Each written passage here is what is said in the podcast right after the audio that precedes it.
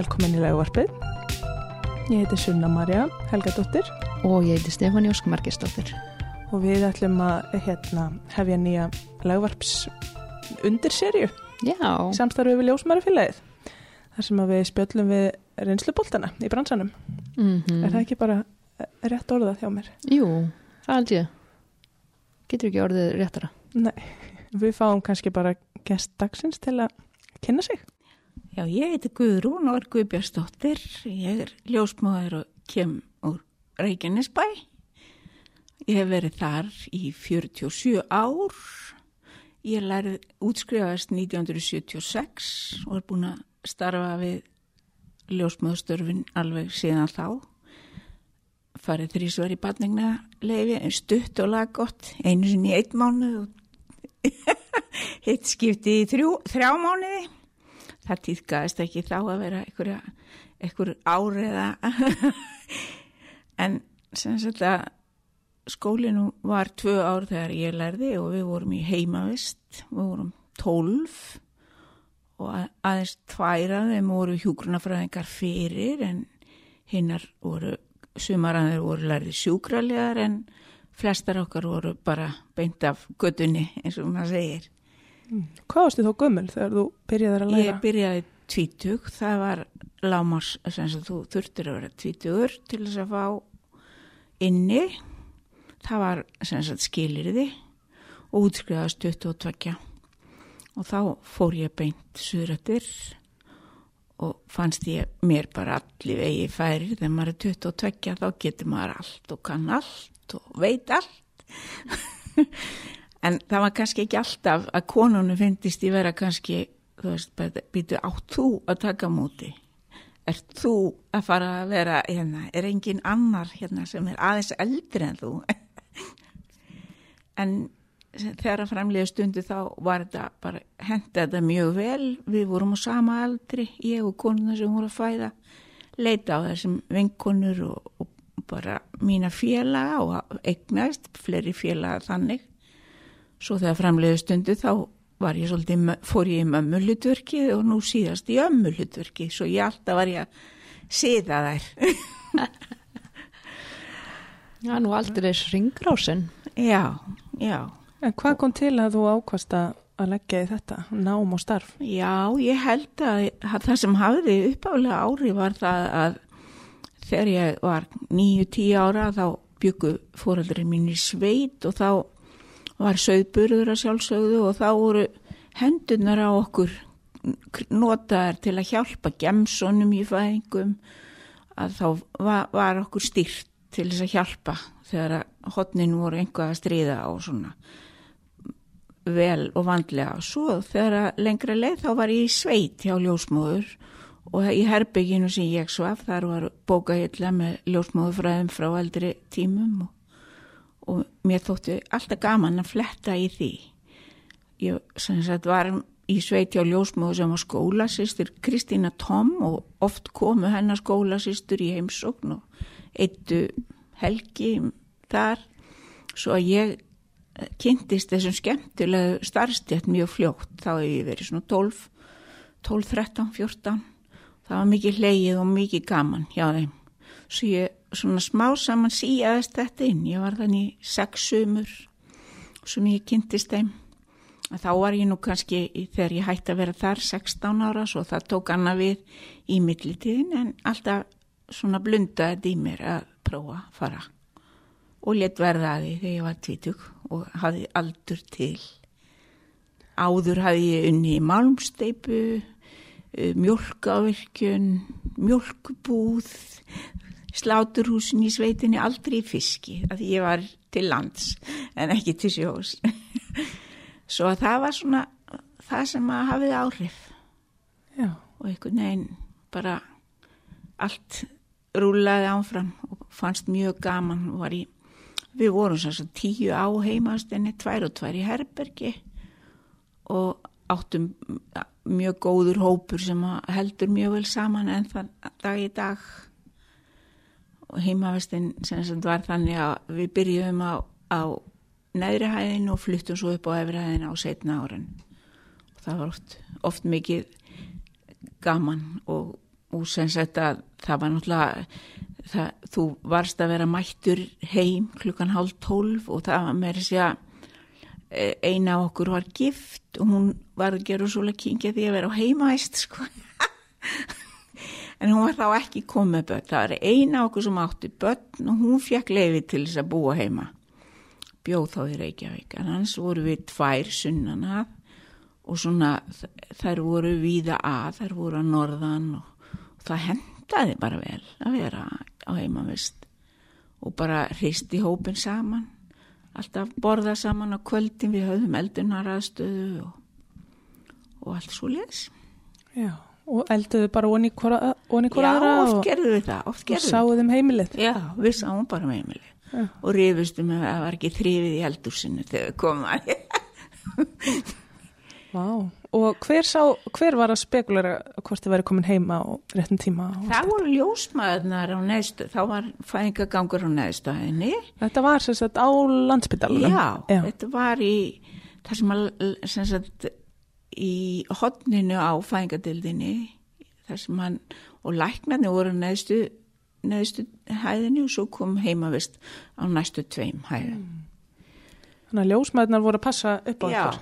við þurftum að ringja bjöllinu og þá ringdu við bjöllinu á fæðingagangi svo að þær sem voru annarkvort á kvöldvaktinni eða nætuvaktinni eða svo vildi til að le leið svo langt að þá vissu þær og hef grunna að þær hafi skráð það hverjar komu seint ef þær voru að mæta á morguvakt eða einhvað svona að þá, þá var það ekkert velið eða fólk var eitthvað að dingla sér langt fram eftir kvöldi.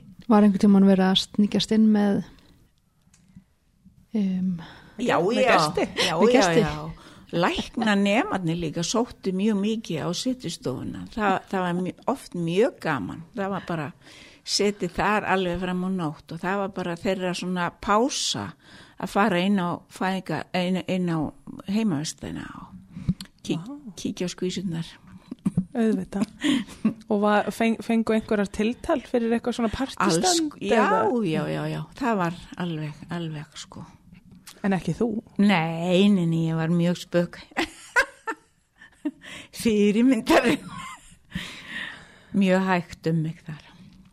Og hérna, hvar fór svo kennslan fram? Var það á... Á efstu hæðinni Já. og lengst, fyrst byrjuðum við þrjá mánuði í skólanum og svo vorum við eitt dag í viku með sérst, bóklegan, Og annars bara annars vinna. verklegt. Þú vo- voru ljósmaður að ken- kenna eða Já, læknar það var bæði, það voru bæði. Það voru læknar, læknarnir kendu, en ljósmaðurnar voru líka. Það var meira ljósmaður, það voru meira ljósmaður strax. Sigurður A. Magnússon var náttúrulega aðalkennarinn, hann var mjög flottur og, og bara ha- hafði mikla trú á ljósmaðurnáminu og, og gaf okkur mikið tröst og þannig laga séð hvart okkur ánfram og, og gaf meira sagt leifi á ljósmara mæður heldur en kannski hafði verið þú veist. þær fengu meira að gera og svona og á sam, sama tíma þarna þá var hann einn dag í viku með mæðravend í Keflavík. Hann var kunnugur lækni þar og gaf kost á því. Hann kom einu sinni í viku frá 1 til 5 á þriðutum og tók mæðravend og það var mjög góð, semst mikil viðbót við suðunni sem að fá hann. Svo Þannig að það var þá að það voru einhver sérstök vandamál. já, já, og en- hann var með almenna mæðravend mæðravendin var tvo dagi viku frá 1 til 5 sem sagt. Og þegar eh, við unnum að þá var það þannig að þú varst kannski á kvöldvakt á mánudegi átti bakvaktin um nóttuna morgunvakt á þriðudegi fórst svo í mæðravend klukkan 1 út á helsugæslu og þá ko- kom svo sem var á kvöldvaktinu á þriðudeginum inn á sjúkrásið þegar svo sem var á morgunvaktinu fór í maðurandina til að tryggja það að hún fengi þó að fara heim að sofa klukkan 5 hún væri ekki annan sólaring Þannig að þú hefur nánast svona búið á já, bara, mjög- já. þetta hefur bara verið mikill hlut á lífinu Já, það var það og stund, svona fyrst þegar maður fór að vinna svona mikið og mikið á bakvöktum líka, þú veist, kvöldvakt og bakvakt um nóttina og kannski dagvægt morgun eftir þá vissi maður bara ekki hvað maður hétt þegar maður fór. Og eitt skipti manni eftir að þá, þá var ég með lítið barn og semst hafði verið á kvöldátt maðurinn var, var með hana heima og, og semst hafði komið henni í pössunum morgunin og farið í vinnu og þegar ég semst var að, á, í maðuravendun og ætlaði svo heim um fimmleitið þá var engin heima og húsi læst og ég sopnaði utan í stittu sem var rétt hjá og það voru einhverju ættingar hans sem sáu mig svomandi við stittuna því ég var alveg búinn sko. Bara standandi?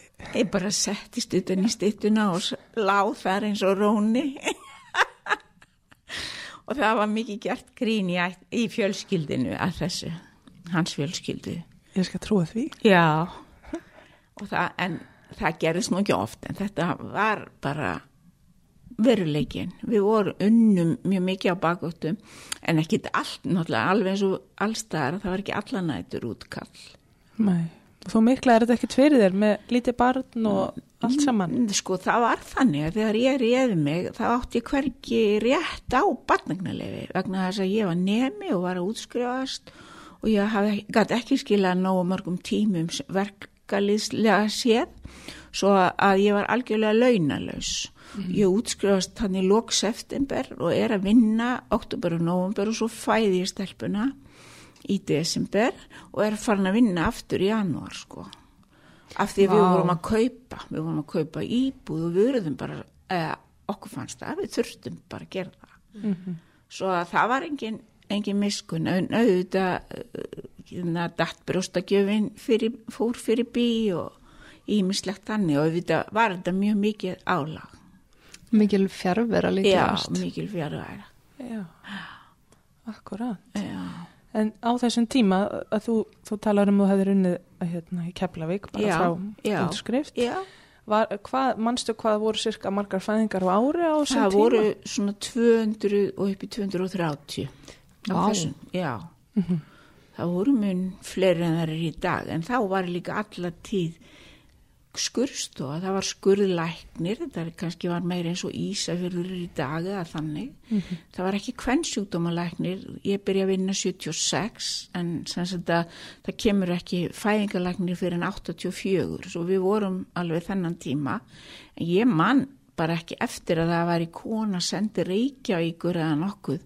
Þannig að týðkaðist, það voru bara ekki deyfingar í bóði þær fengu verka, þær fengu petitinn og ef það er ranguð við sér að þá fengu þær bara afturpetitinn Þannig var mikið um í raun og veru svona meðveitindalausum konum í fæðingu eða það sko, þú veist, flestar duga alveg á einu, það var ekki mikið, en þú fjagst alveg, og, en þið brá alveg við ef að það var þannig að þær mundu ekki. Einn, sem sagt að þessi... Þið gáðu peditin í Keflavík. Já, við gáðum peditin. Við gáðum, með þess að ég byrjaði þá var gefið valjum í byrjun, frumbyrja sem kom inn kannski með þrjá, hrætt og, og kvíðin og svona, fekk í vöðu bara valjum og svo fekk hún aft og alltaf sprengdi belgir og rökin fyrir því að sprengja belgi var það að vita hvort að legvatni væri grænt og hvort maður þyrta að flýta fæðingu. Og rökin voru bara það og það, það týðkaðist ekki að kona væri í fæðingu í marga sólaringa það var ekki talað um að kvíla hana. Það átti að bara keira hana. Hún átti bara að klára sko. Mm -hmm. og, og rökin fyrir því að þú bara eiginlega sprengdi belgi bara leiðu þú komst putta inn sko, veist og það, Það- var þetta. Líka með fjölbyrjur. já, þá lí- hljóta að hafa verið ansi harður. já, þess vegna kom petitinni mjög, þetta gekk oft mjög rætt þú veist, þetta var erf, ég held þetta, og ekki ég held, ég veit að það var erfiðara þannig. Þær fengu stránga sótt eins og maður sér oft sem konu er búin að missa vatnið þar eru harðari sóttin þannig sko.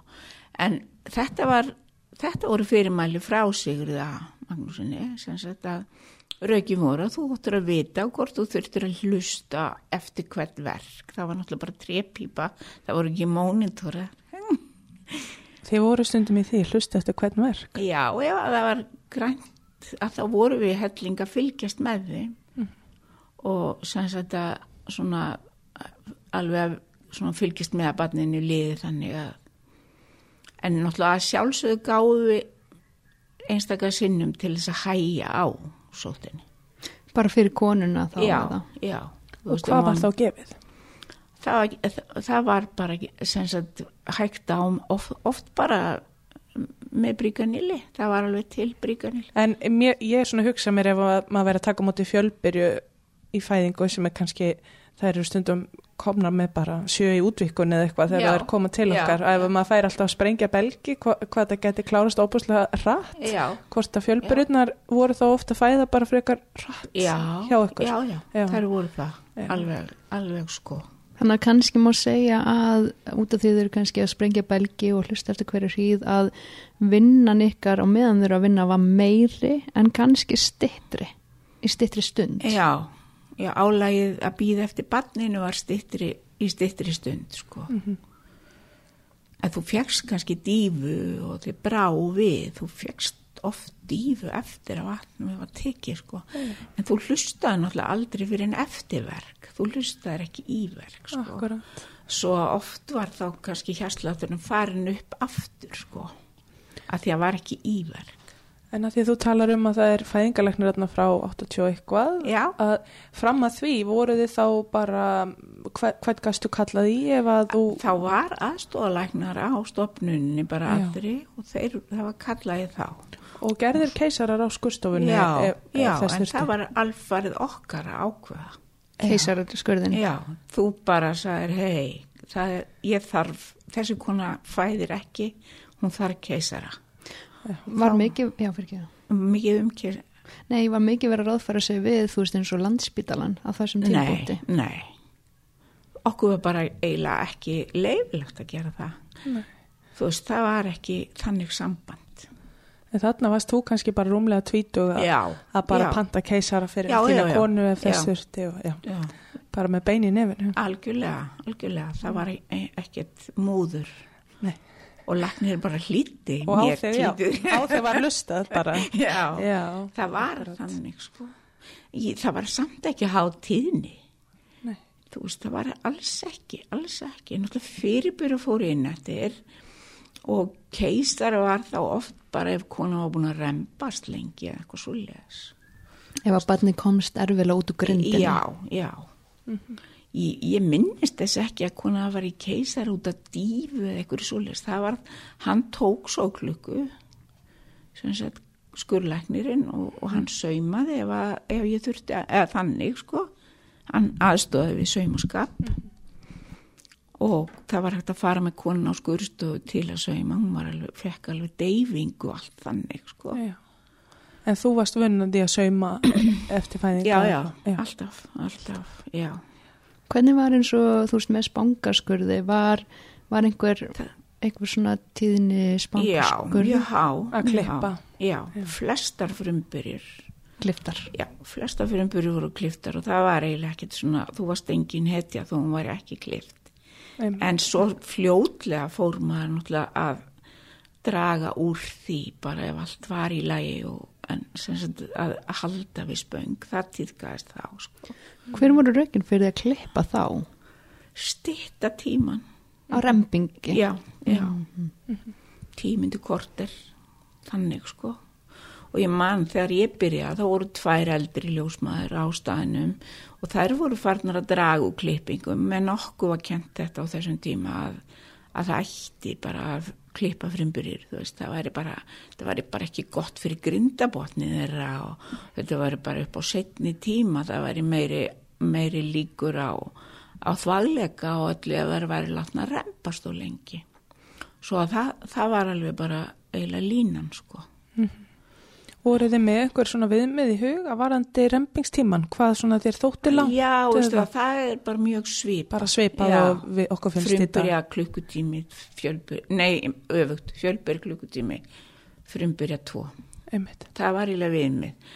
Og ég minnist þess að hafa farið með konu á landsan sem, sem það remdist í þrjá, en þá var ekki skurlagnirinn á svæðinu, sko. Akkurat. Mm, hvernig, hvernig lögðust svona breytingar í þig? Þú veist, að fara úr því að klippa yfir því að ekki klippa.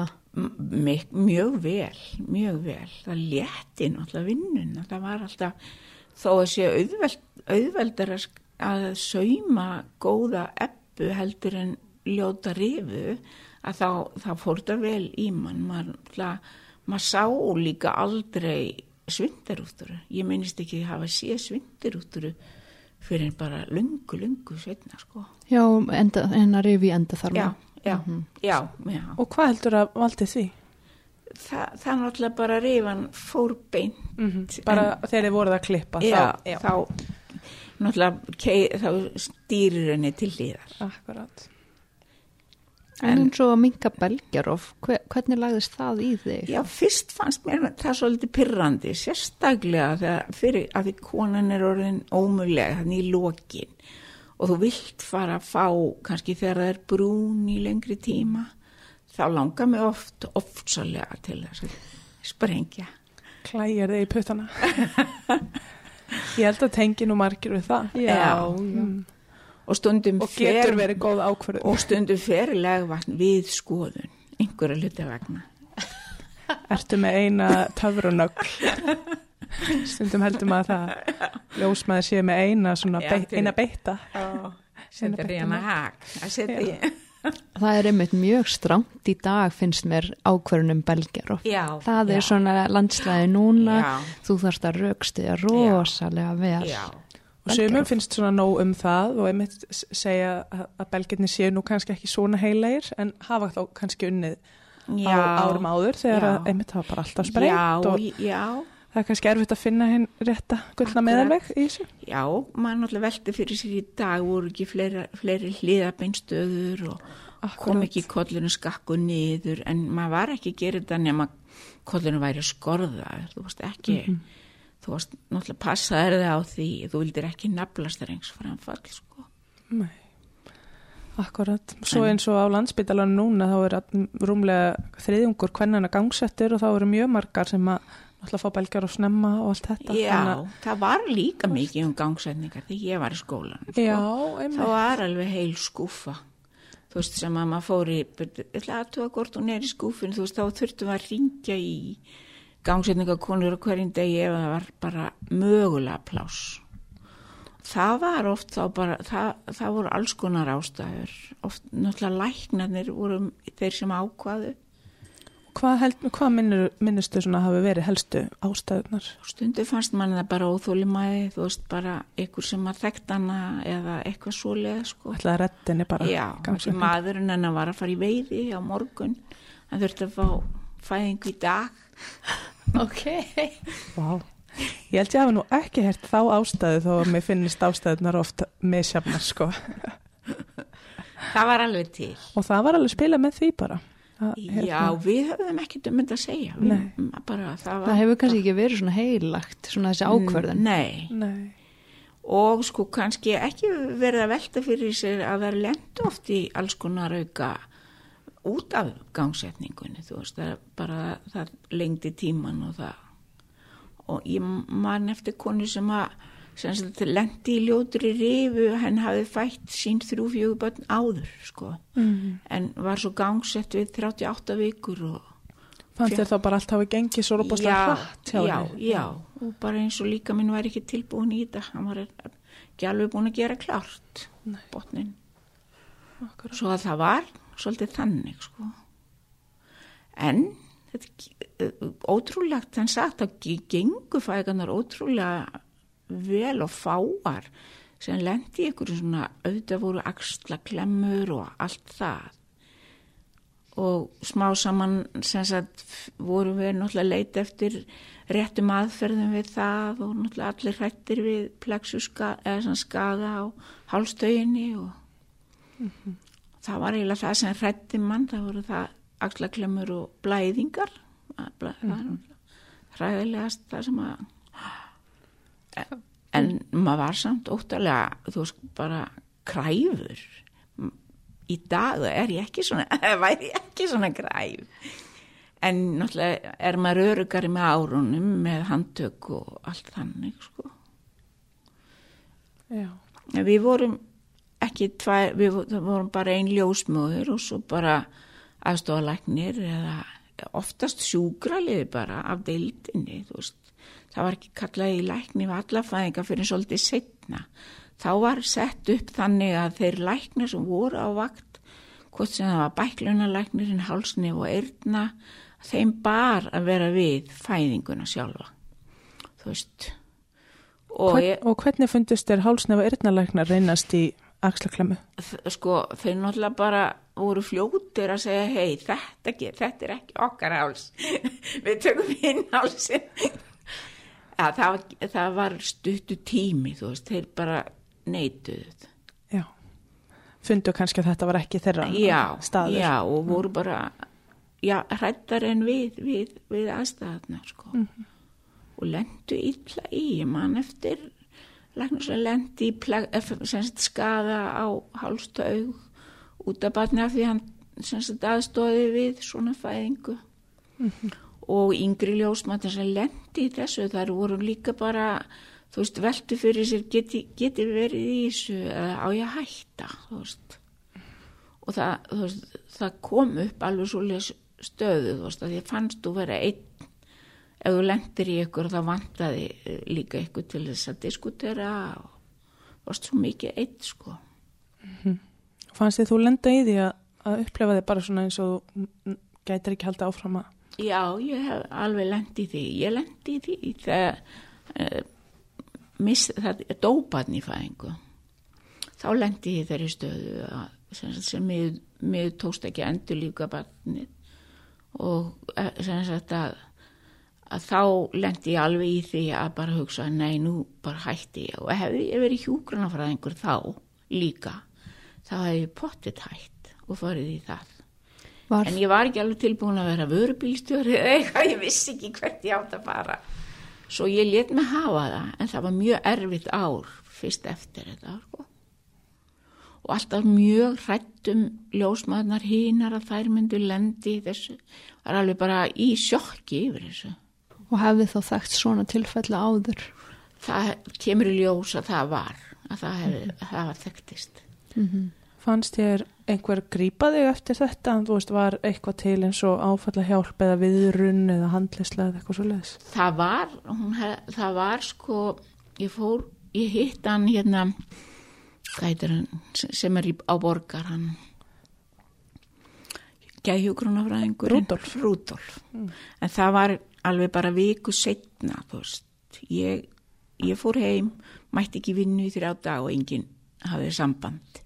Læk, sagt, en, en síðan var haft samband og mér spurðaði hvort ég vil, myndi vilja þykja það og fyrsta, fyrstu viðbröðum byrju hvað veist, hvað getur hann sagt mér sem ég veit ekki, sko, þú veist, maður er alltaf svo kokki.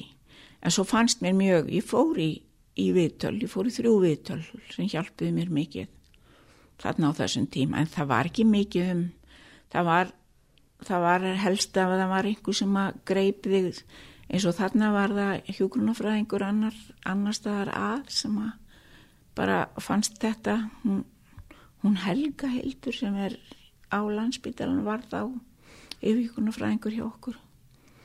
Og sem sagt gaf okkur þennan, gaf mér þennan sens og það hjálpaði mér ótrúlega. Og ég fór svo með Rúdólf einhver tíman að ræða við ljósmóðurinn á lansa sem hafði lendi svipu, eða sem að hún lendi að fá batt sem átti alls ekki að engin átti vona á að kæmi dáið en og átti erfiða tíma. Þú gæst á aðstóðar einhvern já, annan í já, já, erfiðum aðstæðum. Fór með hann heldur í tvö, þrjú skipti og fannst það bara mjög flott. Þetta er náttúrulega ótrúlegt starf. Já, og mann líður eins og að þú veist ef einhver tekst á þetta starfi ár eða ára tugi þú veist að þá bara sértu þú mynd lendi einhverju sem að já. veldur þér sálastriði. Algjörlega, algjörlega. Algjörlega.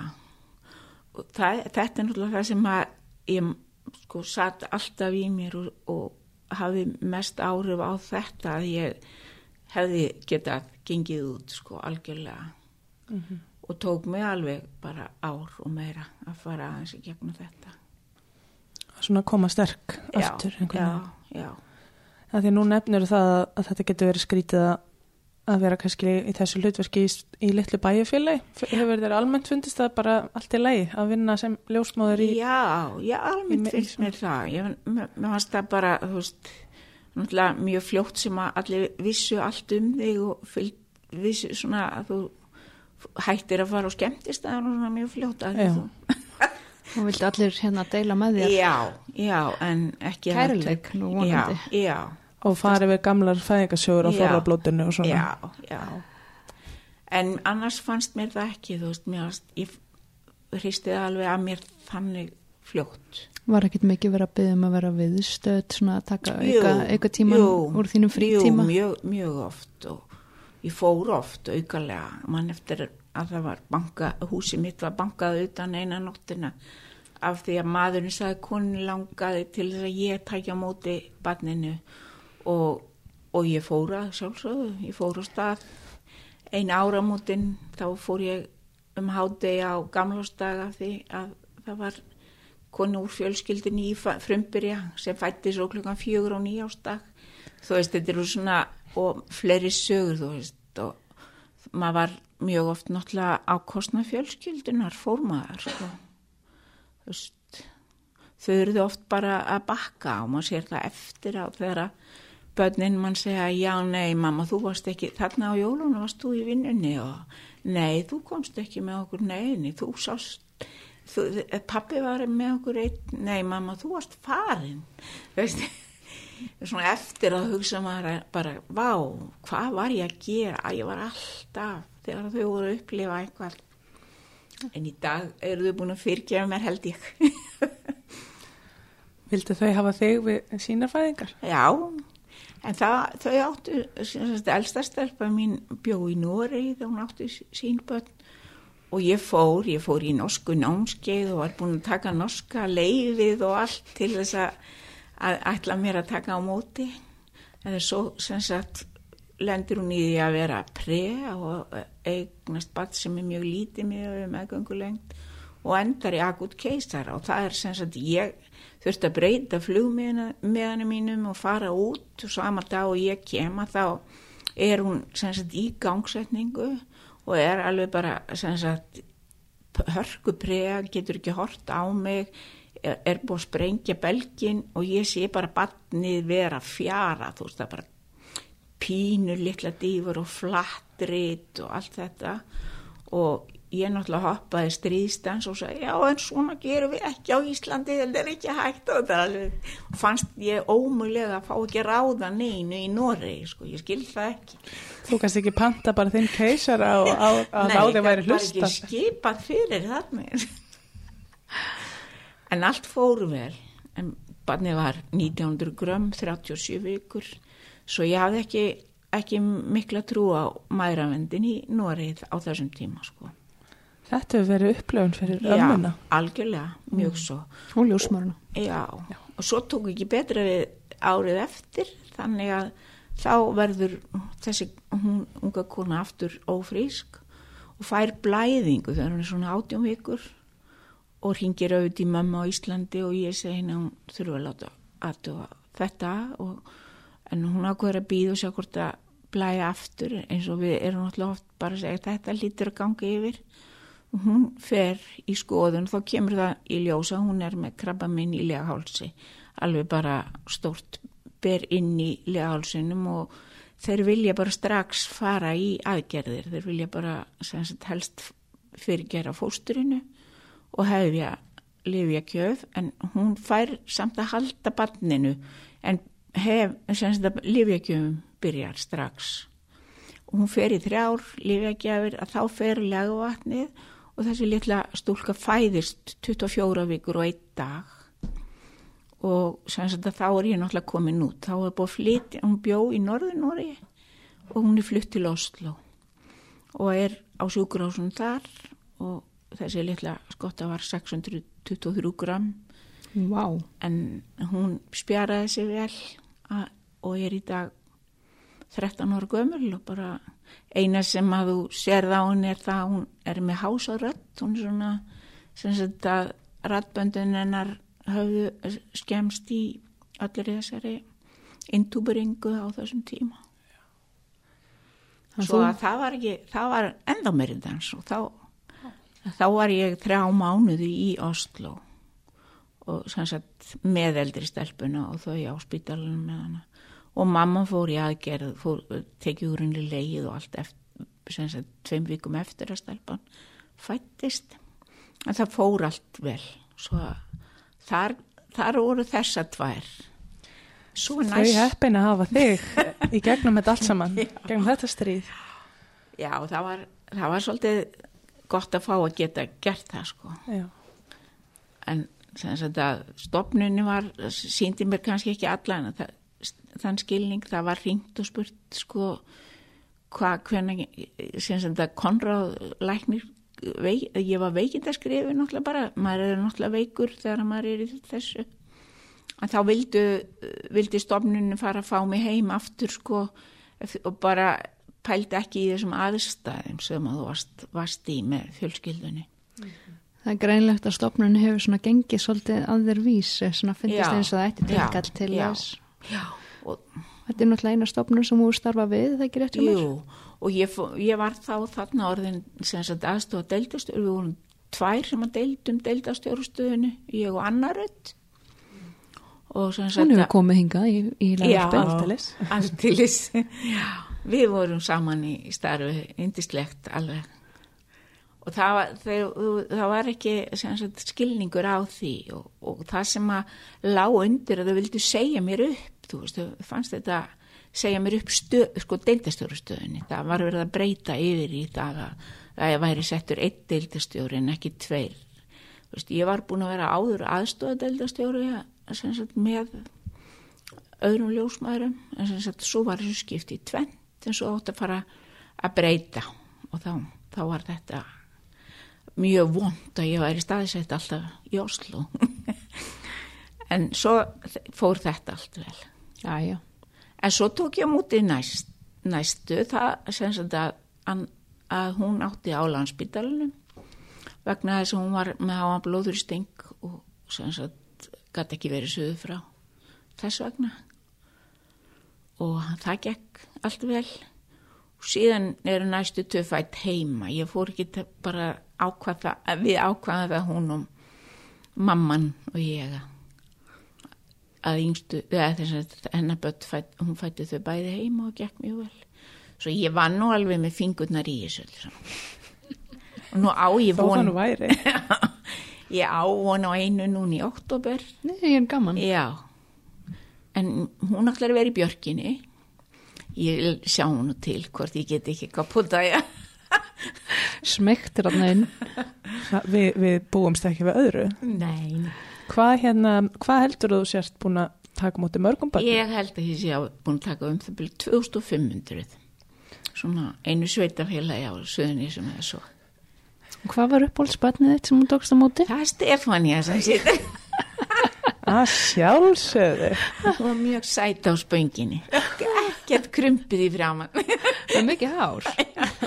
Kolsvert hár. Bara alveg eins og hún er í dag. Já. Mjög góða húð og hálpróð. Þannig að þið hittust fyrst þannig að Já. við fæðinguna. Já, með þykir af að væntum það og hefði tekið á móti mér. Æ, takk fyrir það. Það var líka mjög gaman að vera. Gott að vita að svona ljúf og góð kona Já. hafi. Og svo náttúrulega unnum við saman í smá stund. Já, Ég fylgdi þér hérna út, já, já, algjörlega, algjörlega. út af stopnun, leiti hérna hendina. Ertu hætt að vinna? Já, ég er það. Já. Hvað ertu, hvað ertu gömul? 69 ára. Ég er svona alveg búin að velta þið fyrir mér hvort ég á að fara í ykkur smá tímavinnu eða einhvað í haust þegar sumarið er liðið. En ég, ég veit það ekki. Það kemur í ljós. Er erfitt að slíta sig frá hlutarskjöfum? Mjög, mjög, mjög svo. Einri ljósmaður á all ljósmaður. Ég held það. Já. Kannski sérstaklega líka þegar að þú hefur feriliðin á svona mikillri vinnu Já. og eh, einhvern veginn allt bæjarfélagi þekki þig sem Ég- ljósmóður Já, og verður þetta sterkur partur af sjálfsmyndininni já, mjög svo, já. Það er það, sko. og tala nú ekki um þegar þú hefur tekið svona hérna, stuttleifi frá barnegnum Já, það var, sko, það, það kom ekki til að góða eins og þarna um einn mánuður út af því ég þurfti, bara, þurfti á því að halda. Vannstu alveg nýju, hérna á nýju mánuðin alveg? Sko, með, með fyrstu, fyrstu að þá vann ég, já, þá náttúrulega var ég í skólanum og svo vann ég september og oktober, var bara frisk og fín. Ég held ég, sko, hún fætt, ég held ég hafi verið einhverja daga án, án þess að vera í vinnu og næstu, þá vann ég þannig að ég lána konum sem ég tók á móti. Þá, það er brá svolítið við það því að stelpan er fætt við 38 vikur. Þá var kona sem að var, það var erfið fæðing, svo klukka og svona svolítið erfið fæðing og ég fer heim úr vinnunni, missi svo legvatnið þeim kvöldið og fæði svo daginn eftir svo ég var bara í næstu stofu þegar að konan vaknaði eftir fæðinguna.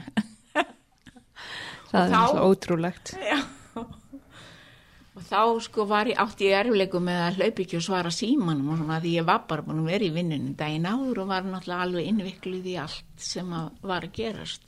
Og það fannst bara ég þurfa að hjúgra þessum konu sem voru inn á næstu stofu af því ég var, þar í vinn. Ég held að þú þurfur að finna þér eitthvað mjög gott áhugamál ef þú ætlar að þrýfast utan vinnu. Ertu með eitthvað svona í kortunum, eitthvað sem þið langar að prófa að gera?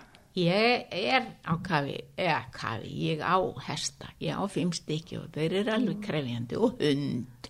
Þú ert alltaf að, að hugsa um einhvern. Já, ég hef svolítið ferðast á hestum um landi og svona og það killar mig alveg að gera það ánfram.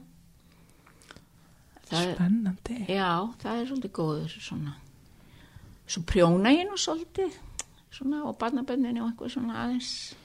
Það gera aldrei flesta ljósma smá saman. Ger, Kemur með tímanum. Já, já, ger við, með tímanum. við erum nú alveg komnar í eitthvað Heklið og... nætuvaktir og einhver svona og allavega eins og suðu frá þá verður að hafa eitthvað svona til að Þetta er líka bara svo Stytta tíma. mikil handavinna og Já. það er bara halda fingrunum. halda þeim í formi. Já. Akkurat. Og þólimæði. Já. Þolinmæði. það er. Hvað myndur segja væri svona það mikilvægsta sem að góð ljósmóður þarf að búa yfir? Hvaða svona eiginleikar? Ég held, held að það sé einmitt þetta að vera þólimóður og jákvæðni. Geta gefið, geta gefið af sér. Ekki, ekki, ekki sagt missa sig og vera fúll yfir einhverju heldur endalust að selja blíði sinna. Þú veist, þú ert bara í því og gefa af þér. Ég held að það sé svona frumskilirið.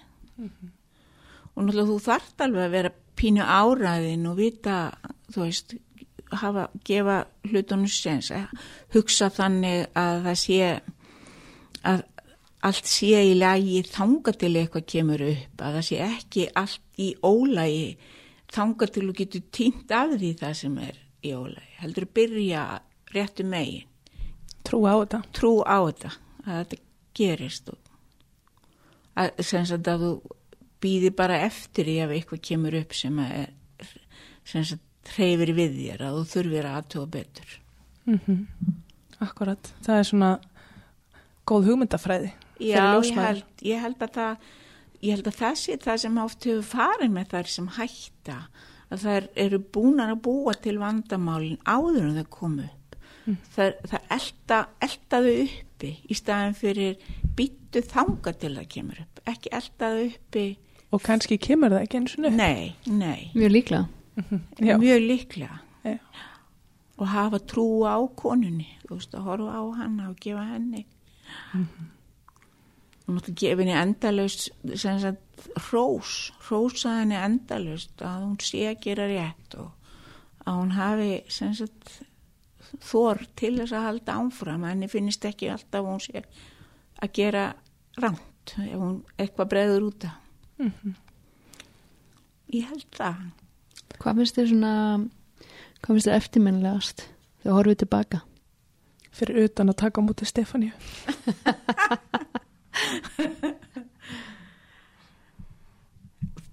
bara eftirminnilegast að já, mér finnst bara ég, það er ekki einn einfæðing sem stendur nýtt endilega upp úr nema Stefania. En ekki, þú veist alla, hver fæðing er svo sérstök, þú veist, maður horfir mér finnst svolítið eins og ljósmaður séu svona í fallifa stökki, þú veist, þú ert að upplifa eitthvað skemmtilegt og, og að fá að taka þátt í fæðingu bars, en þú veist, og, og allir þessi gleði og, og vita að þú ert í flestum albúmum sem til er á suðnesi en ég, ég man ekki þetta er endilega einhverju sérst mann meira eftirfæðingun fyrir árin. Þú veist að meðan maður er yngri. Tvíburafæðingar og voru náttúrulega tvíburafæðingar og svona kona sem ekki vissum var og ég man þetta reyni tannin sem kom sem að hún hafi, vissi ekki hún væri ofrisk og hún hafi fengið bara bæ, nætulækni til sínum nótt og hann gaf henni verkelif og saði henni að mæta svo í myndatöku hún væri örgulega með einhvað eirislinum eitthvað.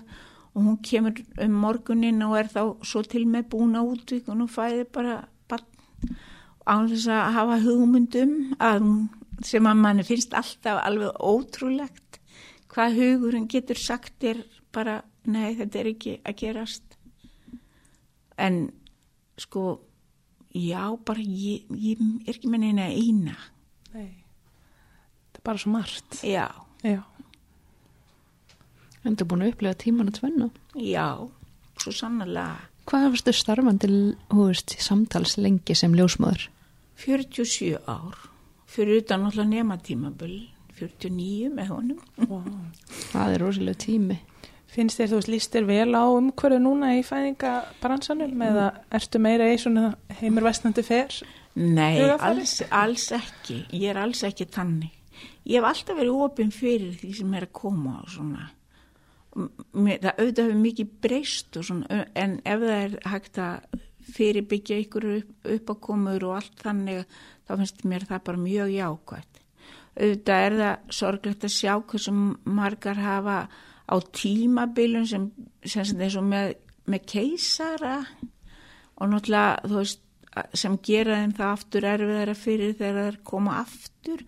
Sem segir manni af hverju fæðingum fækkar út á landi vegna þess að konur eiga sögu um erfiða fyrir fæðingar eða keisara eða eitthvað sem gerir það að verkum að þar megið ekki vera á stað sem að þar sem ekki er skurstofa en ég skil vel að það er ekki hægt að halda út í skurstofum á öllum stöðum, ég skil það vel og að, að sérfræði þjónustan er þar sem að mest kemur, þú veist, þar er mest þjálfunin í þessu, þannig.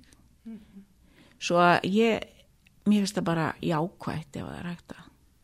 Auðvitað við að horfa upp á konur meira með alls konar vandamál, svo meðgöngu síkusíki en auðvitað líka meira skima fyrir því en var gert. Það fættist alveg stórbötn og fættist alveg bötn sem að pottit voru síkusíkisbötn án þess að það væri uppgöttaðist á þeim tíma, sko en ég, finnst bara gaman fylgjast með, alveg bara virkilega alls ekki þannig Nei.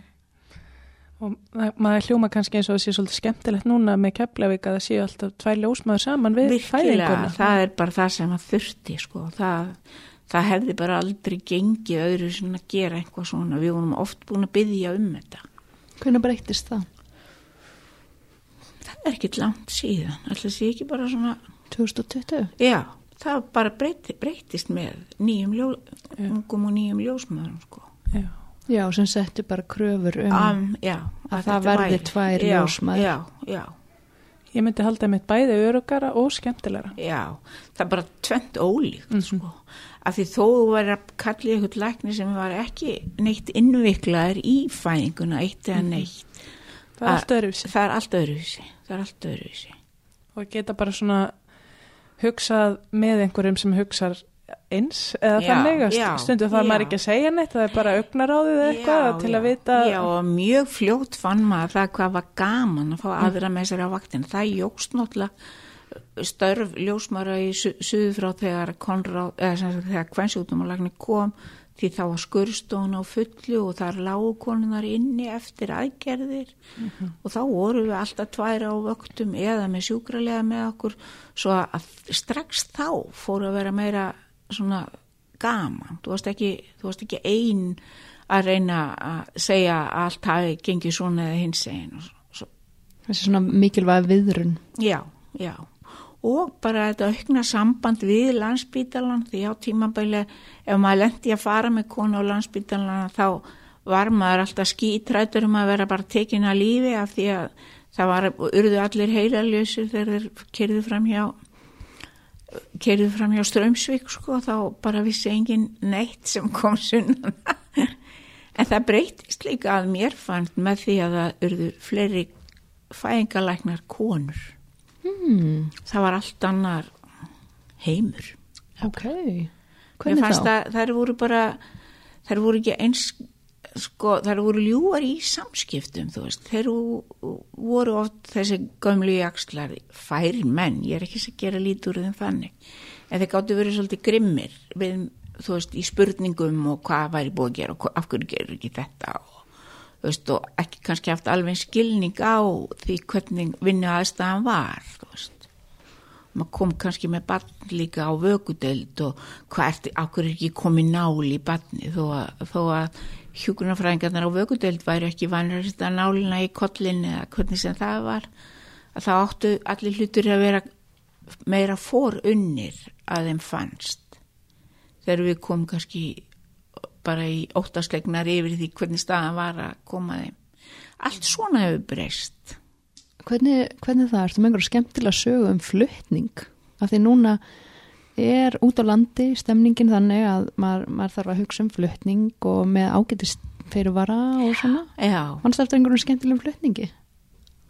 Sko það voru bara miklu skemmtilegri flutningarna en ég náður vegna þess að það voru sömu bílstjóranir eins og við köllum að lallarnir okkar þeir, að þeir eitt Lárus að það voru þið bara allir lallar og við fengum alltaf ís í bakaleginni þeir stoppuð alltaf næst í kóbói og maður fekk ís og svo fekk maður bara körfuna og gætt lagt sig á leiðinni í suður, það var mjög það, allt, allt annað líf sko Mér langar í svona, mér langar í svona núna. Er engin ís í dag? Nei, ég hef allavega ekki lendið því. Nei, var, það var bara alltaf stoppað í næsti kópaði og fengið í Ég held að þurfi að taka þetta upp aftur.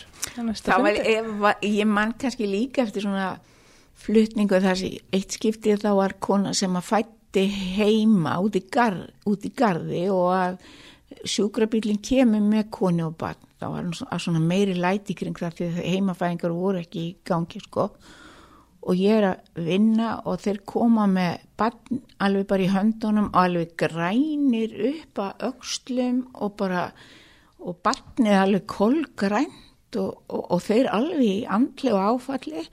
Fötin þeirra út ötu og allt sko en barnið bara í fínu standi grét og allt og svo kemur annar bíl með mömmuna. Og þá þurftu þeirra að flýta sér svo mikið með og hann, hann þá lágu konur í viku hjá okkur sko. Og við köllum drengin lá, lárviður að því hann var græn allir vikuna En það var svona, bara svona, svona skemmtilegar upplifanir. Það var meira svona eins og því að heyrðu náttúrulega þegar að er, talum að sjúkrabílstjórnin tóka móti þessu batni og uppstiltir með konunni þó að konan sé kannski svo sem upplifir það ekki vel að þurfa að fæða við þessar aðstæður og ég held líka að það sé eitt sem að gerist með því að þurfa að flytja konur í dauðansopið á bláum ljósum og svona svo kona sem lendir í þannig aðstæðum hún kýs ofta að fara og vera nær sjúgrási og það var það náttúrulega sem gerist eftir kannski 2010 að þær kjósa að vera nærreikja út af því að þær voru að lenda kannski í þessu og upplifu náttúrulega ræðslu og, svona það, það hafi svolítið láhrif mm -hmm. að því í dag sjáum við náttúrulega að það er bara eitt þriði af konum sem fæðir miða við það sem áður var tveir þriðjur fara einhverjum ástæðum. Er það meina flutningstíðinni frá fæðingarstað Já, stöðum já, Mhm. já. yfir á meira þjónustu Já, stöð? já. Mhm. Já, bara svona lokum myndur mæla með þessu starfi. Alltaf, algjörlega. Myndur hvetja, Ég myndi aldrei fara í ann, já, ég held ég, ég, ég myndi ekki vilja skipta við neitt, Nei. hvorki fyrir en ég eftir. nei.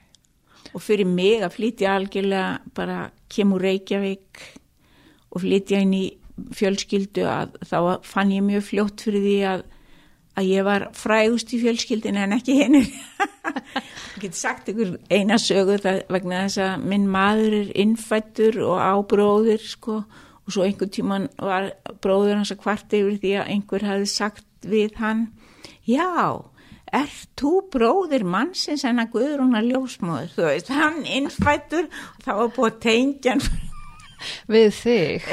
Þú veist aðal konan, ég er aðalkona. Það er bara svo algjörlega, Það er, er það ekki bara frábær lókaorð? Jú. ég held ég held það, það.